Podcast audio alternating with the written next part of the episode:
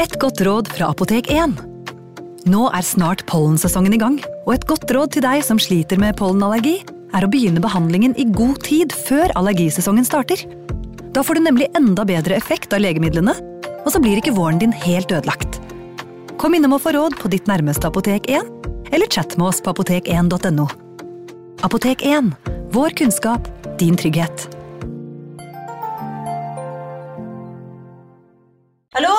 Jeg kommer fra Oslo politikammer. Ine Jansen er purk. Er du purk? The motherfucking bitch. Alt jeg vil, er å finne ut hva som skjedde med mannen min. Jon Carew. Er jeg sikta for noe? Iben Akeli. Det er du. Ole So, Lars Berrum og Big Daddy Karsten. Hvem sin side er du på, egentlig? Anette Hoff, Tone Danielsen, Kommer du fra Afrika? Jørnis Josef, Nesten. Kløfta. Trond Espen Seim, Det er synd å si det, men det var feil mann som døde. Purk. Premiere tirsdag på TV2 Play. Advarsel. I denne podkasten vil du høre historier basert på informasjon programlederne har funnet selv. Programlederne står ikke nødvendigvis inne for meninger og syn som fremstilles. Noen påstander kan avvike fra virkeligheten.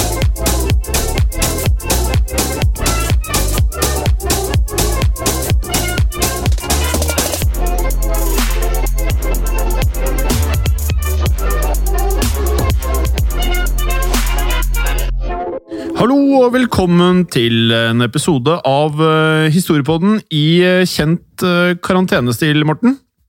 I kjent karantenestil, og som i forrige uke, altså når det er karantene, så er det karantene, så denne uka skal vi også fortelle historier om noen av de mest fryktede sykdommene gjennom historien. Ja, det virker jo både naturlig og interessant. Vi er jo nå ferdige med pesten, og da må vi jo ta to helt andre sykdommer i dag.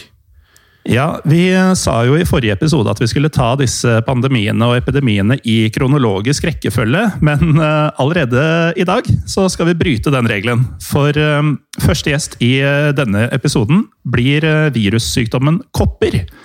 Eh, Den var eh, for så vidt aldri noen pandemi på den måten som vi opplever i dag, men eh, det har vært veldig, veldig mange epidemier av eh, kopper opp gjennom historien.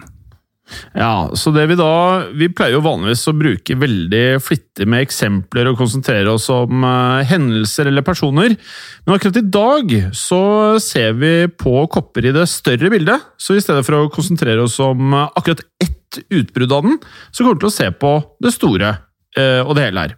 Vi synes bare kopper Det er, det er noe veldig fascinerende med kopper. Ehm, og den ledet jo til et eh, uhyre viktig gjennombrudd da i legevitenskapen. Ja, og så sa jeg jo at eh, den ikke kom som eh, pandemi, at kopper kom i mange epidemier i stedet, men det betyr ikke at den ikke var fryktet, for kopper har opp gjennom historien tatt livet av haugevis med mennesker. Ja, og fra forrige episode så husker vi kanskje da at pandemier er et sykdomsutbrudd som smitter mange mennesker over gjerne svært store områder. Um, mens epidemi på den annen side brukes kanskje ofte når man da prater om en sykdom som forekommer hyppigere pga. et sykdomsutbrudd. Uh, det kan smitte og drepe utrolig mange mennesker, men det har kanskje ikke det samme geografiske omfanget som det man da uh, gjerne forbinder med en pandemi. Nei, øh, men det er ikke helt klare grenser for hvor stort et utbrudd må være før det går fra øh, epidemi til pandemi. Eh, Men kopper hadde altså flest epidemier. Og det har en ganske spennende historie som vi skal ta for oss i dag. Ja, eh, Vi minner igjen, og det føler jeg er ganske viktig, da, for vi ønsker ikke å bidra her til at vi er med å skremme folk. Eh, men vi ønsker eh, å ta en liten sånn nysgjerrig take, et nysgjerrig perspektiv på sykdommer som har herjet opp gjennom historien. Og det, i disse dager så føles det som om det passer veldig bra. Og jeg synes at det, i stedet for at i hvert fall vi blir skremt, så føler jeg at vi lærer. Og ved å lære, så har det en, mer en betryggende effekt, iallfall på meg, Morten. Hvordan er det med deg?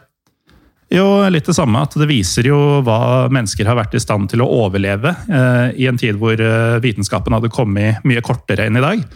Eh, men for de som er litt eh, lettskremte på dette, da, eller som er veldig bekymra av dere som hører på for eh, det som skjer nå, Eh, og hvis du tror at disse episodene kan gjøre bekymringene verre, så kan det jo være lurt å vente til neste uke med å høre på Historiepodden.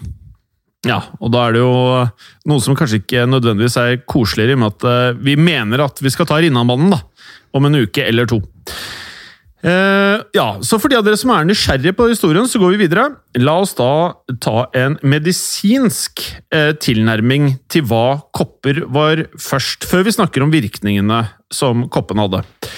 Kopper var en svært fryktet sykdom som kom av et veldig, veldig smittsomt virus, det også. Og når folk hører eh, kopper, så tenker de kanskje på vannkopper. Eh, har du hatt det, Jim? Det håper jeg. Jeg mener det. De der vannkoppene og røde hundene, det har gått litt sånn eh, Jeg vet ikke hva jeg har hatt og ikke hatt, det. Nei, du, du, har antagelig hatt det. De fleste har jo hatt det da de var små, og den er mye mildere enn kopper. Og gir veldig sjelden mer alvorlige komplikasjoner. Men altså ikke vannkopper, men bare kopper var mye farligere. Ja, dere legger kanskje merke til at vi snakker om kopper i fortid, og ikke i nåtid. Det er det nemlig god forskning eh, som er resultatet til, da.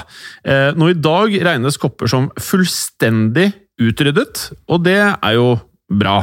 Eh, med tanke på hvor mye frykt det da skapte for folk som fortsatt hadde det. Ja, for kopper hadde en dødelighet på hele 20-30 eh, Når man fikk kopper, så viste det seg gjennom at man først fikk et eh, utslett på huden over hele kroppen. Deretter ble dette utslettet til flekker. Og de flekkene de utviklet seg til blemmer som tørka inn etter hvert og falt av. Og etterlot seg da flekker eller arr på huden. Mm. Det dukker opp noen bilder når man søker på dette her på internettet. Og det er grusomme greier. Ja, det er ikke pent.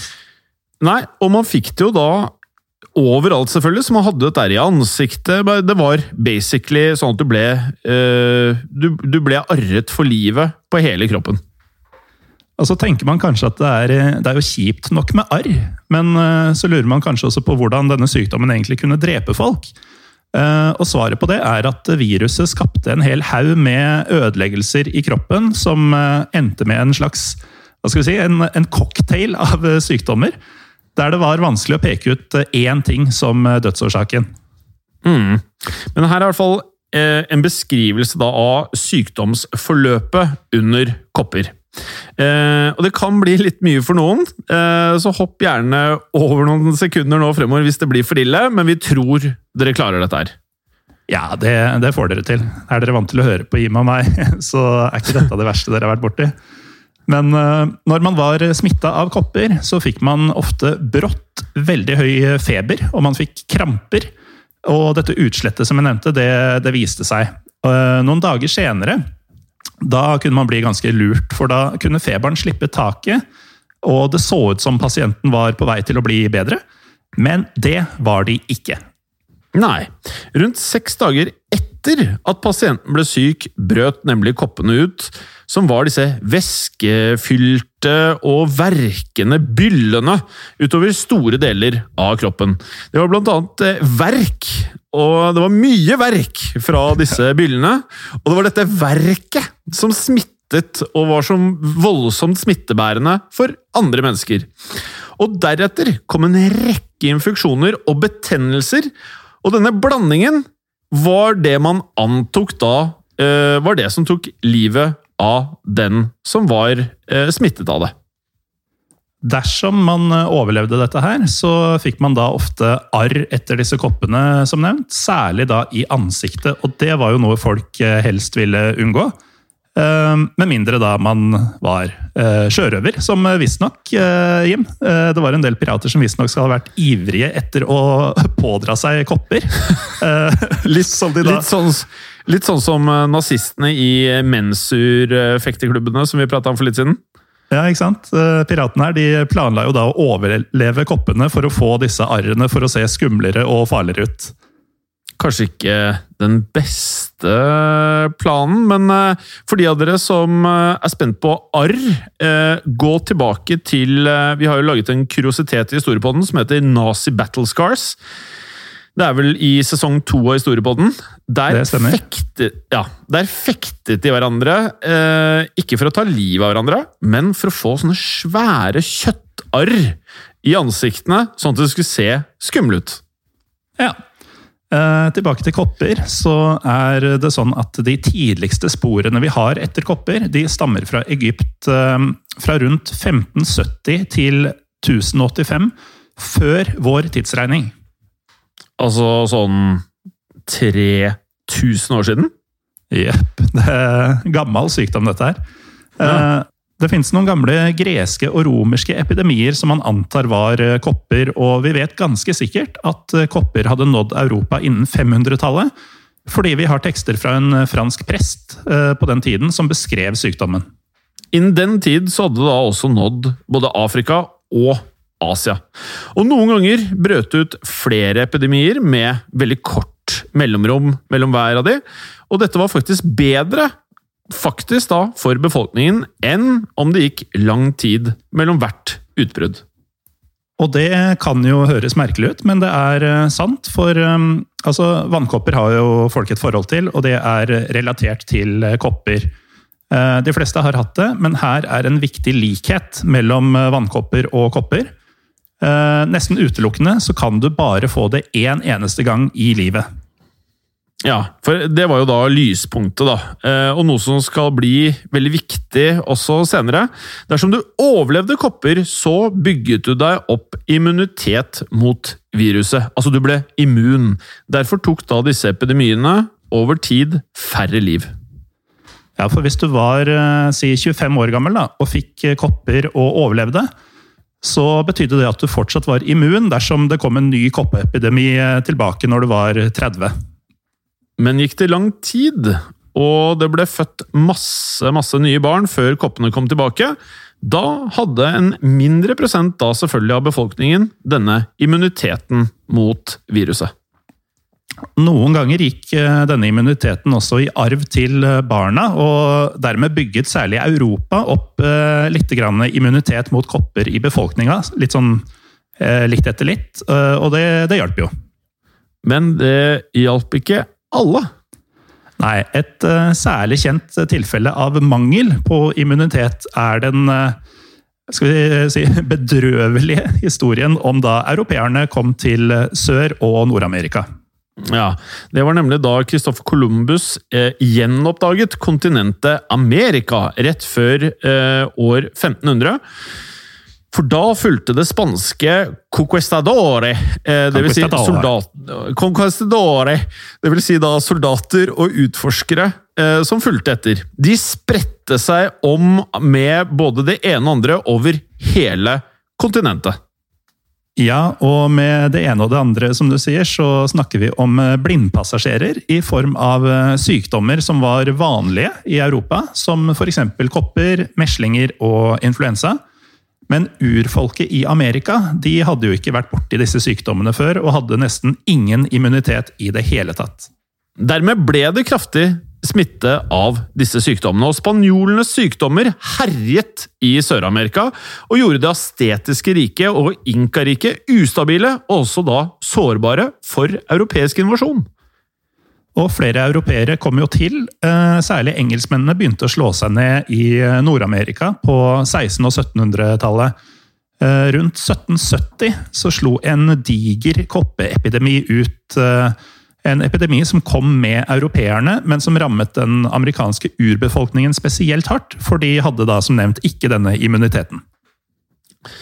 Og forskerne anslår da at eh, innen 1850 hadde da kopperviruset sammen med meslinger og influensa tatt livet av omtrent 90% av den amerikanske urbefolkningen. 90% Det er knallharde tall, altså. De, eh, de Også- få som også- overlevde Eh, Hvis man tar en liten sammenligning til eh, det, i hvert fall nå endres jo eh, informasjonen vi får om eh, covid-19 eh, uke for uke, og gjerne dag for dag, men i dag så prater vi vel om at eh, det er 10% som får covid-19, eh, så vidt jeg har forstått. Så det er da det motsatte av det man prater om er 90-10, så prater vi om 10-90 med covid-19. Men det kan jo ha noe med at vi er i karantene. Det kan være. Eh, De få uramerikanerne som overlevde dette, de var da etterpå ofte blinde på ett eller begge øynene, ettersom eh, viruset skapte mye infeksjoner, og uramerikanerne ble jo da eh, svakere. Eh, Noe som var beleilig for de europeiske koloniherrene som ofte kriget mot dem. En uramerikaner som eh, overlevde den eh, harde koppepidemien, eh, fortalte dette til en omreisende kartograf som skrev det ned. None were spared. Men, women and children sickened, took the disease and died in agony by the hundreds, so that when the spring arrived and fresh food was procurable, there was scarcely a person left of all their numbers to get it. Camp after camp, village after village was left desolate. Det er jo en nitrist eh, beskrivelse av en eh, fæl sykdom, dette her, så man skjønner jo hvorfor den var såpass eh, frykta etter hvert. Eh, Men nå lurer kanskje lytterne på hvordan en så frykta og smittsom sykdom kan eh, utryddes? Ja, og da er det jo sånn at eh, vi har jo lyttere som er meget observante, for vi har jo nå gitt noen hint, eh, og vi kan jo oppsummere dem da. Nummer én, kopper har flere relaterte varianter som ikke er spesielt alvorlige. Og nummer to, mennesker er flinke til å bygge opp immunitet mot viruset dersom vi allerede har vært i kontakt med det.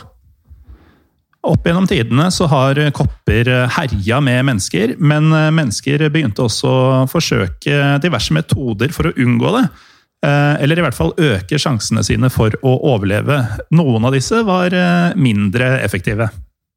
Ja, En engelsk lege på 1600-tallet sa visstnok at eh, en koppesyk pasient skulle ha vinduene åpne. Dyna skulle ikke ligge høyere enn rett over magen, og pasienten skulle dessuten drikke store mengder med øl. Det høres ut som godt gammelt kvakksalveri, men uh, han kan jo ikke ha tatt feil. I hvert fall ikke uh, angående det ølet. Men uh, noe som i det minste hadde litt basis i medisin, eh, det var at folk, eh, folk la jo merke til at eh, de som hadde hatt sykdommen én gang, som regel ikke fikk den eh, igjen. Ja, og da vokste jo da tanken om eh, immunitet for alvor frem. I Asia og Afrika begynte man å eksperimentere med dette rundt 1670. Dette høres jo veldig ekkelt ut, men man tok verk fra koppene, eller man pulveriserte tørkede koppebiller fra pasienter som hadde et mildt tilfelle av kopper. Altså de med da større sjanse for å overleve.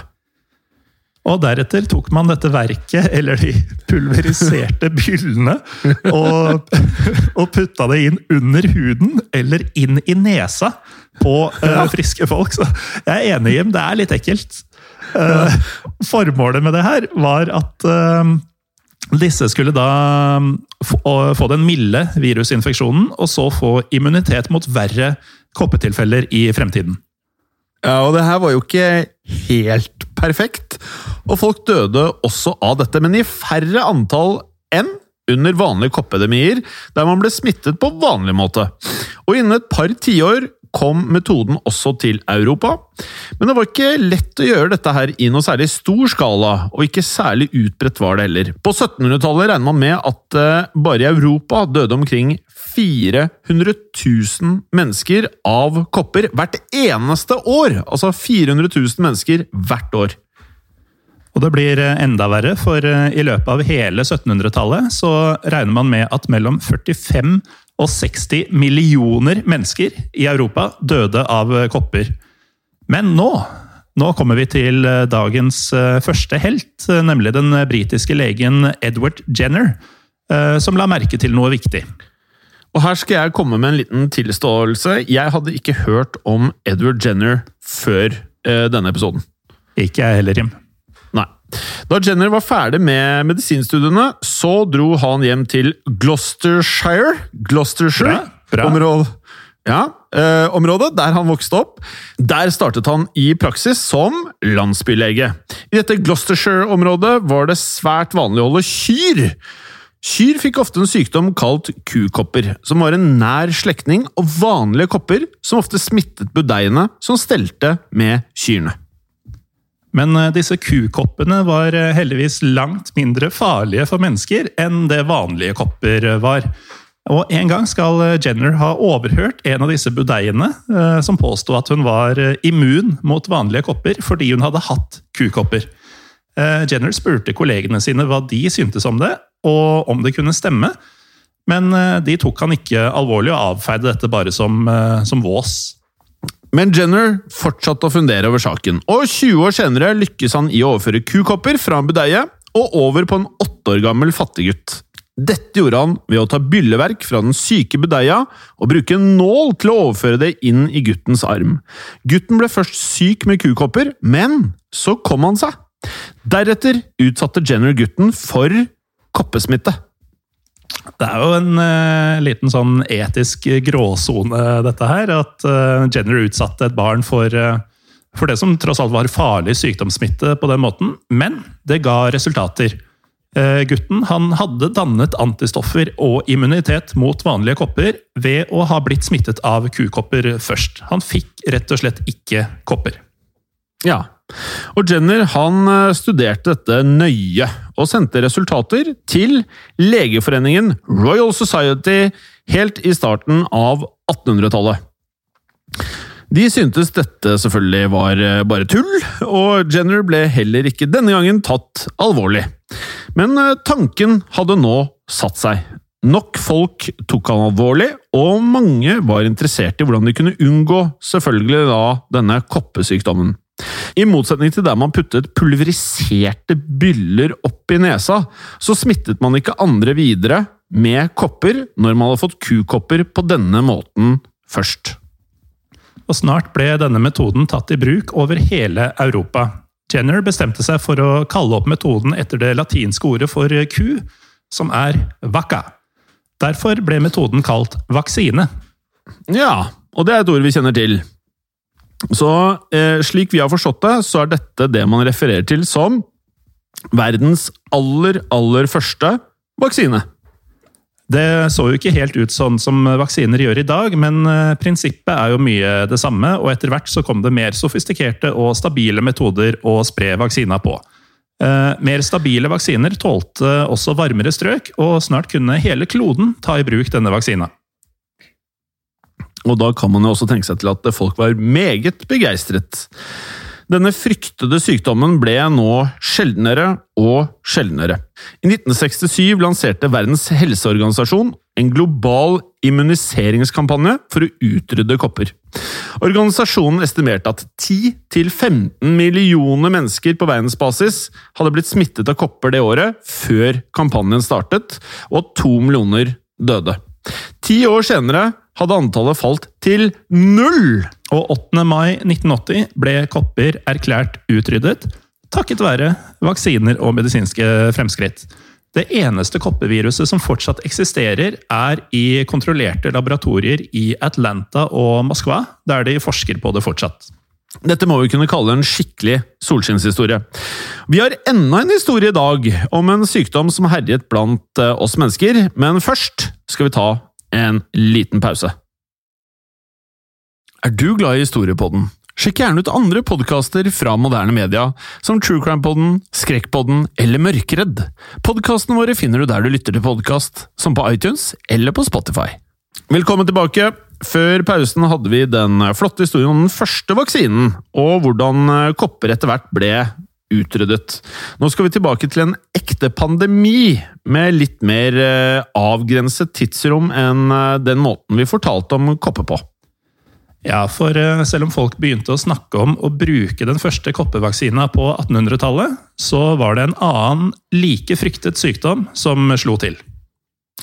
Navnet på denne sykdommen er kolera, som de aller fleste kanskje har hørt om. Akkurat den pandemien vi skal snakke om, kalles den tredje kolerapandemien. Tittelen avslører jo selvfølgelig at det var flere kolerapandemier, så vi skal gå kjapt gjennom dem. Men det er den tredje vi kommer til å konsentrere oss øh, om her i dag, da. Det var selvfølgelig da den mest dødelige. Ja, men det var også den kolerapandemien der legevitenskapen igjen fikk et gjennombrudd, og det er jo det som gjør det ekstra interessant. Vi kommer til det, men eh, nå som sist skal vi starte med å forklare hva kolera faktisk er. Ja, I eh, motsetning til eh, kopper så kommer kolera av en bakterie. En bakterie ved navn Vibrio cholerae. Og vel finnes- gjennomført. Ja, takk, takk. Det fins flere typer av denne bakterien, eh, som gir litt ulike sykdomsbilder, men det som er felles, er at det gir mennesker som får det i seg, en akutt tarminfeksjon. Ikke alle som får i seg bakterien, får en stor infeksjon. Omtrent 80% av de som får den i seg, får ingen symptomer, og kroppen kvitter seg med bakterien. Noen får imidlertid en større tarminfeksjon, og dermed mer alvorlige symptomer. Denne tarminfeksjonen gjør at man får en kraftig vanndiaré. Og I tillegg så kan man eh, også begynne å kaste opp. eh, Så i sum så blir jo da pasienten kraftig eh, dehydrert, altså at man, kroppen mister utrolig mye væske, og uten behandling kan da pasienten dø. Ja.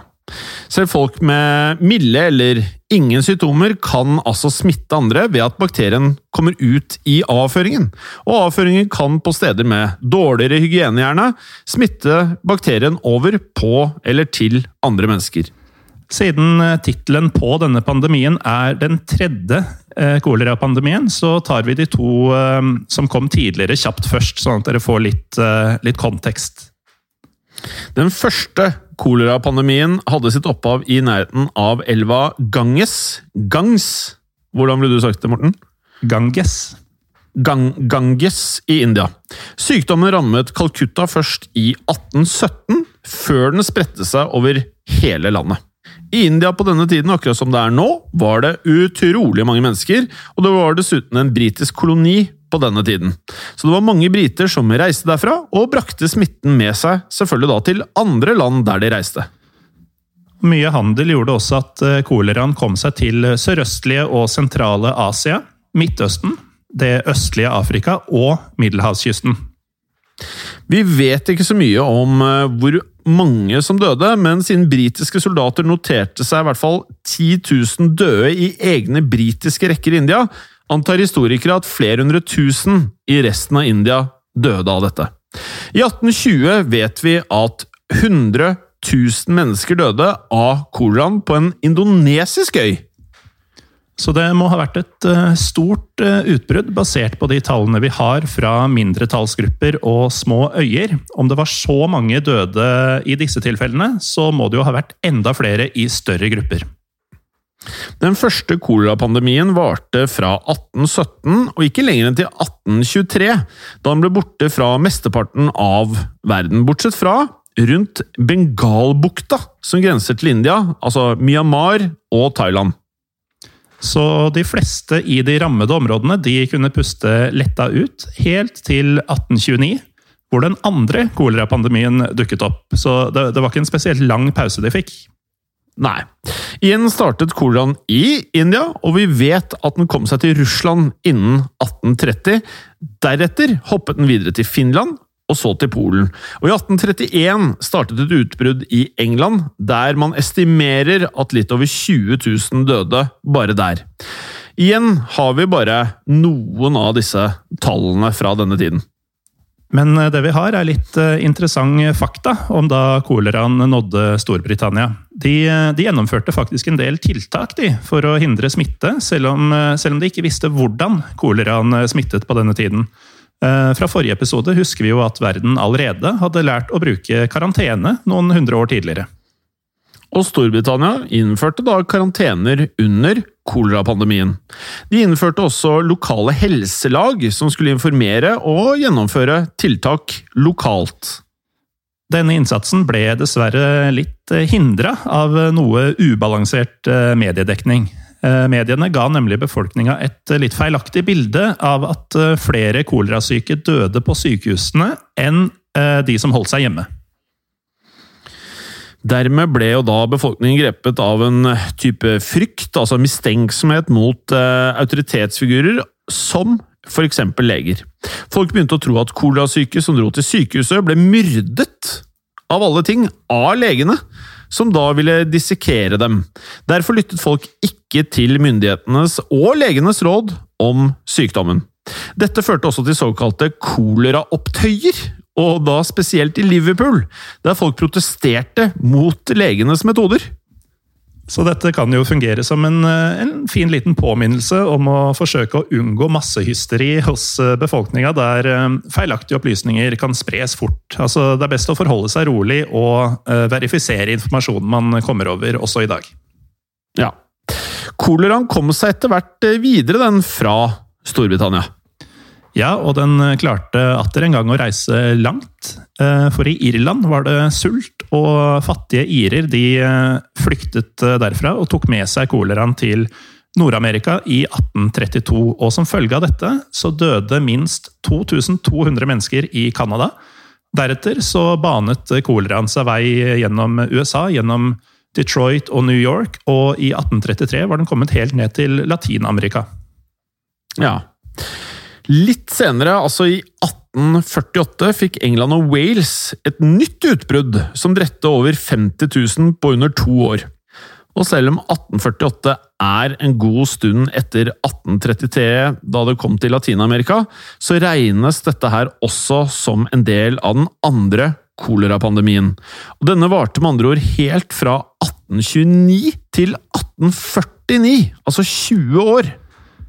Eh, og etter de 20 årene så fikk de et eh, lite pusterom på tre år, helt til 1852. Og i 1852 kom da det som vi skal frem til her, den tredje kolerapandemien. Og alle kildene våre omtaler den som det mest dødelige utbruddet vi har hatt av kolera. Igjen begynte utbruddet i Hvor tror du, Morten? Jeg er frista til å si India. Ja, Det tror jeg også lytterne skjønte. Og det spredte seg raskt gjennom faktisk da denne gang Iran og til Europa. Deretter kom koleraen seg også til USA, og så til resten av verden, der Afrika ble rammet spesielt hardt av den tredje kolerapandemien. Og denne gangen skulle utbruddet vare helt fram til 1859. Og igjen så er det vanskelig å finne totale tall, men eh, vi vet at bare i det ene året 1854 så døde over 20 eh, 000 mennesker bare i Storbritannia av kolera. Men eh, selv om dette utbruddet, altså den tredje kolerapandemien, regnes som det med høyest antall døde, så er det et lyspunkt her også, Jim. Ja. Du har sett Game of Thrones? Det har jeg ikke. Nei, du har ikke det. Ok. Ja, da gir jo egentlig ikke navnet her noen sånn spesiell referanse til den serien, men de som har sett serien, kommer til å skjønne at her er det en ved samme navn som en av hovedpersonene i serien. Fordi det var et lyspunkt, og det var en eh, lege ved navn John Snow. Og denne John Snowen var ganske annerledes fra den andre John Snow som eh, du refererer til i Game of Thrones, eh, Jim. Eh, virkelighetens John Snow han var nemlig en engelsk lege som oppdaget noe svært viktig om kolera. Ja, Legene var selvsagt interessert i koleraen. På den tiden var den mest populære teorien at kolera kom av at man pustet inn en eller annen form for dårlig luft, som det ble beskrevet. da. John Snow hadde imidlertid en annen teori. Han trodde at kolera kom av drikkevann som hadde vært i kontakt med kloakk. Og denne teorien ble avfeid av andre leger fram til et utbrudd av kolera i august 1854 i Soho i London. Eh, Dr. Snow eh, bestemte seg for å bruke det til å finne ut hvorvidt kolera virkelig kom av forurenset eh, vann. Så han pekte ut en vannpumpe i en gate som het Broad Street. For på denne tiden hadde ikke folk vann i husene sine. De henta der, derfor vann fra vannpumper. Og her har vi da et sitat fra Snow, noe han skrev om denne saken. Within 250 yards of the spot where Cambridge Street joins Broad Street, there were upwards of 500 fatal attacks of cholera in 10 days. As soon as I became acquainted with the situation and extent of this eruption of cholera, I suspected some contamination of the water of the much frequented street pump in Broad Street. Den syns jeg du takla bra, Jim. Et par litt vriene ja, og greier. Ja da, jeg har studert i engelsktalende land, jeg, vet du. Mm. Men han eh, sier 250 yards, det er jo nesten 230 meter. Eh, så du har altså 500 tilfeller av kolera på ti dager. Eh, I litt over 200 meters radius fra denne spesifikke vannpumpa. Eh, så John Snow han hadde da en hypotese om at eh, de som ble smitta, de hadde drukket vann fra nettopp denne pumpa. Han intervjuet så et stort antall mennesker i området for å se om han kunne finne ut kilden til utbruddet. Blant annet spurte han eh, eieren av en kafé som serverte vann fra Broad Street-pumpen, til maten kundene hennes hadde bestilt. Hun fortalte Snow at hun visste at ni av kundene som hadde vært der og drukket vann, hadde fått kolera. Så John Snow undersøkte også steder i nærheten som ikke hadde fått utbrudd av kolera. Eh, blant annet så oppdaget han at et fengsel i nærheten, der nesten ingen av de innsatte hadde fått kolera, eh, henta vannet sitt fra en egen brønn. De drakk ikke av vannet fra Broad Street. Det er riktig, og etter hvert samlet da Snow inn nok informasjon til å kunne konkludere, mente han, med at kolera kun var et problem for folk i Soho, som da hadde drukket fra Broad Street-vannpumpen. Han studerte også vann fra pumpen, og fant små hvite flekker i det. eh, Som han da mente kunne være det man eh, kunne kalle gift. Det var en slags type gift, da, dette hvite i vannet.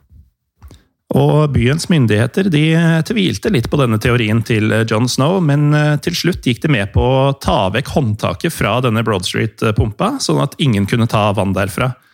Og det som skjedde videre, var at uh, nesten umiddelbart etterpå så stoppet kolerautbruddet i Soho. Ja.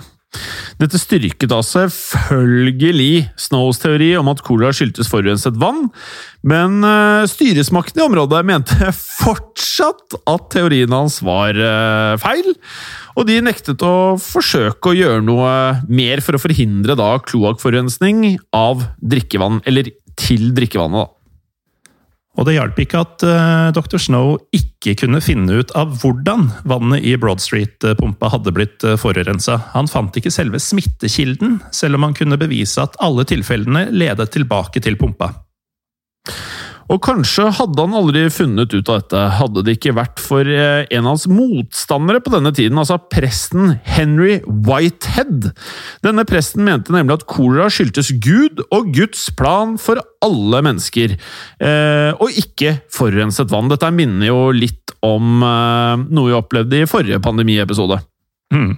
Da var det vel kongen som pratet om at det var Guds vilje. Han ville bevise at Snows teori ikke kunne være riktig. Og På sin ferd for å motbevise Snows hypotese, så intervjua presten en kvinne som bodde i Broad Street. Hennes baby hadde fått kolera fra en annen kilde rett før utbruddet. Kvinnen fortalte imidlertid at hun hadde vasket bleien til hennes kolerasyke baby i vann, som hun etterpå dumpet i en av da datidens septiktanker i gaten, som bare var én meter unna denne vannpumpen. da. I sin kamp mot uh, Snows teori hadde presten dermed løst gåten om uh, hvor den opprinnelige smitten kom fra.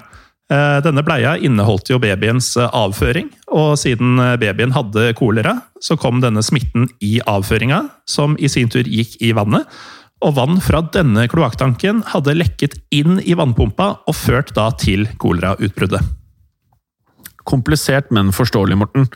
Eh, året etterpå publiserte et ukeblad prestens funn og ba myndighetene om å stenge kloakktanken og reparere alle avløpssystem, så det ikke skulle lekke ut i vannkilder og føre til flere nye dødsfall. Det tok mange år før myndighetene lyttet til dem, men til slutt vant Snows teori frem.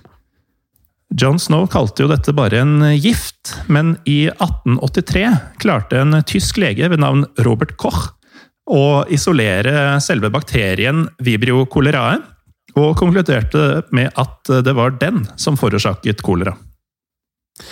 Og dette var jo da selvfølgelig nok en seier til legevitenskapen. Eh, dette er nemlig riktig, selvfølgelig. Bakterien gir en tarminfeksjon, og bakterien kommer ut i avføringen til smittede mennesker. Dersom denne avføringen da kommer i kontakt, hvis man ikke har skjønt det ut fra det vi har pratet om så langt, kommer i kontakt med vann, går bakterien over i vann, og da er den jo selvfølgelig eh, sånn at den kan smitte andre mennesker. Men eh, dessverre betydde ikke dette funnet at det ble slutt på kolera. De neste kolerapandemiene var imidlertid mildere og tok færre liv enn de som hadde kommet før. Den fjerde kolerapandemien den varte fra 1863 til 1879. Og den femte Kolerapandemien den varte fra 1881 til 1896. Blant annet vet vi at den tok livet av 200 000 mennesker i Russland mellom 1893 og 1894, og den drepte 90 000 i Japan mellom 1887 og 1889. Men den kom seg ikke ikke verken til Storbritannia eller USA denne gangen. De hadde nemlig tatt i seg det Snow hadde funnet ut, og brukte både karanteneregler og forbedret kloakkinfrastrukturen til å holde bakterien unna drikkevann. Mellom 1899 eh, og 1923 kom den sjette kolerapandemien, som eh, drepte mer enn 800 000 mennesker i India, og spredte seg også til eh, andre deler av verden. Eh, innen 1923 så var den borte igjen, selv om India fortsatt hadde noen få tilfeller. Nå har vi vært gjennom ganske mange kolerapandemier, så man kan jo gå litt i surr her. Men vi har nå kommet altså til den syvende, og det som er viktig her, det er den siste kolerapandemien. Ja, og grunnen til at det er den siste, er at den fortsatt holder på. Eh, den syvende starta i 1961, og startet da ikke i India, men i Indonesia. Eh, mm. Koleraen eh, vandret der, deretter gjennom Asia og Midtøsten, og kom til Afrika i 1971. Ja, det var akkurat i Afrika det ble et varig problem, da. For i 1990 var mer enn 90 av alle colatilfeller som ble rapportert til WHO, fra Afrika. Koleraen kom seg også til Sør-Amerika i 1991 og drepte 3000 mennesker i Peru allerede det første året. Og det holder på fortsatt, men kjennetegnes av at det stort sett befinner seg i gjerne fattigere land med dårligere infrastruktur og mindre gunstige hygienemuligheter. Det er svært liten risk for at cola skulle blomstre opp i Norge, det er verdt å nevne. Ja, og Noe av grunnen til dette er jo, som vi alle vet, at vi, eh, vi har et dagligdags forhold til rent vann. Det, det, er en selvfølge, men eh, mange steder i verden er det jo dessverre en, eh, en luksus. Det er det. Zimbabwe fikk et sterkt colautbrudd i 2008 og i 2009, med nesten 100 000 tilfeller, hvor litt over 4000 døde. Og i 2017 brøt det ut både i Somalia og også i Jemen. Dette høres jo mørkt og trist ut, men de gode nyhetene er at 80 eh, av tilfellene kan bli behandlet med, med, godt resultat eh, ved å tilføre kroppen en spesiell eh, væske. Altså en ganske enkel behandling. Det brukes også antibiotika og vaksiner i særlig utsatte områder. I 2017 så lanserte WHO en global kolerakampanje som har som mål å redusere koleradødsfall med hele 90 dette gjør de da selvfølgelig både med medisiner, men også væsketilførsel. Eh, men også ved å forbedre da infrastrukturen og hygienen til folk. Og her er enda en god nyhet. I desember 2019 så rapporterte samme WHO at koleratilfellene i verden falt med 80% i løpet av bare 2018. Så det er helt klart en innsats som gir resultater, dette her. Og selv om vi nå har prata om veldig mye fæle sykdommer i dag, så mm, syns jeg egentlig at vi bare sitter igjen med lyspunkter, også tatt i betraktning det vi er igjennom i verden i dag, og hører på denne episoden om eh, ti eh, år, 50 år, jeg vet ikke. Nå er vi altså i eh, 2020, og vi har kommet til, det er snart påske, altså vi er i april. Eh, og akkurat nå så aner vi jo ikke hvor lenge eh, dette covid-19-situasjonen eh, kommer til å vare. Men jeg må si at i arbeidet med disse episodene her, Morten, så blir jeg egentlig bare mer betrygget enn at jeg blir redd. Ja, jeg er litt enig der. Altså, man ser jo, som vi også sa innledningsvis i dagens episode, at når vi ser tilbake på disse fæle sykdommene, så ser vi også hva mennesker har overlevd tidligere. Og vi har jo mye bedre forutsetninger i 2020 enn de hadde på 500-tallet og 1300-tallet og 1800-tallet for hva som enn måtte komme. For leger som Edward Jenner og John Snow forsket og fant da altså løsninger på hvordan man kunne minske sykdomsutbrudd, og deres arbeid bidro til at vi kan gjøre det vi kan den dag i dag. Ja, og det de gjorde, det ga jo resultater som vi har vært inne på. Og vi vet jo at man i våre dager forsker kraftig på koronaviruset i håp om å finne en vaksine for det. Mm. Og da er det verdt å nevne at uh, selv om vi nå har vært gjennom to pandemispesialer, så er vi frista selvfølgelig til å kjøre en tredje neste uke, hvor vi kanskje prater mer om situasjonen vi har i dag i 2020. Uh, og igjen, vi må takke alle dere der hjemme som er veldig hyggelige med oss på Instagram, Facebook og Facebook-gruppen vår, som heter Historie for alle. Og vi heter Historiepodden Norge både på Instagram og Facebook. Eh, følg oss gjerne, og ret oss også gjerne på iTunes om dere vil. Det er viktig for oss, viktig for podkasten, og det gir motivasjon. Det gjør det, Jim. Men øh, nå har vi jo vært gjennom både pest og kolera øh, den siste drøye uka. Uh, og det er jo et klassisk spørsmål, så jeg lurte på, Jim. ville du valgt pest eller kolera? Uff jeg skjønner jeg skjønner ordtaket nå, etter vi har drevet med dette her. Altså, de, begge greiene her er grusomt. Pest eller kolera? Kolera høres veldig hardt ut. Men det gjør jo pest Ja, navnet kolera høres hardt ut. Ja. Jeg tror kanskje jeg hadde tatt kolera ja. Jeg hadde tatt kolera ti av ti ganger. Ja, Hadde du det? Hvorfor det? Ja, ja. Nei, det virker relativt enkelt å behandle, og symptomene er jo ikke Altså så lenge du eh, får erstatta væska du mister da, ved å gå veldig mye på do, så virker det som ting går eh, ganske greit. Mens pest, var det jo, da var du jo sjanseløs. Ja, det var ikke gunstig å få pest. Eh, det føles litt rart med dette ordtaket vårt i de episodene her, men mm. vi kan på en måte ikke kutte det ut. Og det er en, det er en viktig sånn påminnelse om at kanskje spesielt i land som Norge, vi har det sinnssykt bra når vi, når vi, leser at det faktisk Altså, før, før vi skrev de episodene her Jeg visste ikke at det var kolera i verden fremdeles, jeg. Jeg trodde Nei, det, det, tilhørte fortiden. Det var jeg klar over, men øh, ja. visste jo også at det ikke Det har ikke vært i nærheten av oss på fryktelig lenge, uh, heldigvis. Mm -hmm. Så hverdagen vår er jo mest det at uh, det jeg syns er kjedelig, at jeg må sitte mye inne. Jeg får ikke sett kollegaene mine på jobb, jeg får ikke sett deg når vi spiller inn. Jeg får jo sett deg, men vi kan ikke ta på hverandre og det, hva, hva, er det, det som, som pleier å foregå i studioet vårt hjem? Nei, vi er ikke i samme rom, da. Det er det jeg prøver å si. Eh, så de tingene er jo forferdelige, men, men, tenk at vi bare kan gå ned på um, Coop, Kiwi, eh, Rema og kjøpe akkurat det vi vil. Eh, vi har rent vann i springen, som regel. Eh, og vi kan se på Netflix og HBO og alt vi vil dagen lang. Så sett i lys av det vi har prata om nå i to episoder og kommer til å prate om neste uke, vi har det vel ok? Ja, vi, eh, vi må se litt relativt på ting. og altså, Det verste nå er jo kjedsomheten og litt, sånn, litt manglende bevegelsesfrihet. Um, ja. og, og, hvis det er det man må gjennom for å, for å, overleve dette her, så tar vi det på strak arm. Ja. Så uh, igjen litt sånn der, uh, positiv vinkling på slutten her. Uh, og hvis det er noen som er lei seg, send oss melding. Vi er villige til å prate, vi. og det er viktig at man står sammen i denne tøffe perioden. så skriv gjerne til oss. Morten, det har skjedd. Og det kan skje igjen. I produksjonen av Historiepodden så ønsker vi å takke Håkon Bråten for lyd og musikk.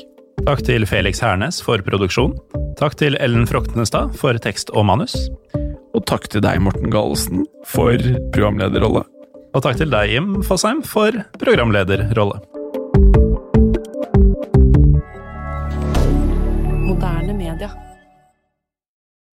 Har du et enkeltpersonforetak eller en liten bedrift? Da er du sikkert lei av å høre meg snakke om hvor enkelt det er med kvitteringer og bilag i fiken, så vi eh, gir oss her, vi. Fordi vi liker enkelt. Fiken superenkelt regnskap. Hei, og takk for at du lytter til Historiepodden.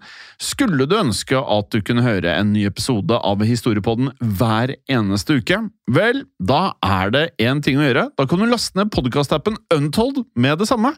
For i tillegg til ukentlige episoder av podkaster som Historiepodden andre verdenskrig, Henrettelsespodden og også Gangsterpodden, så får du masse annet reklamefritt og også eksklusivt innhold. Last ned Untold i AppStore eller Google Play og start din 30 dagers gratis prøveperiode allerede i dag.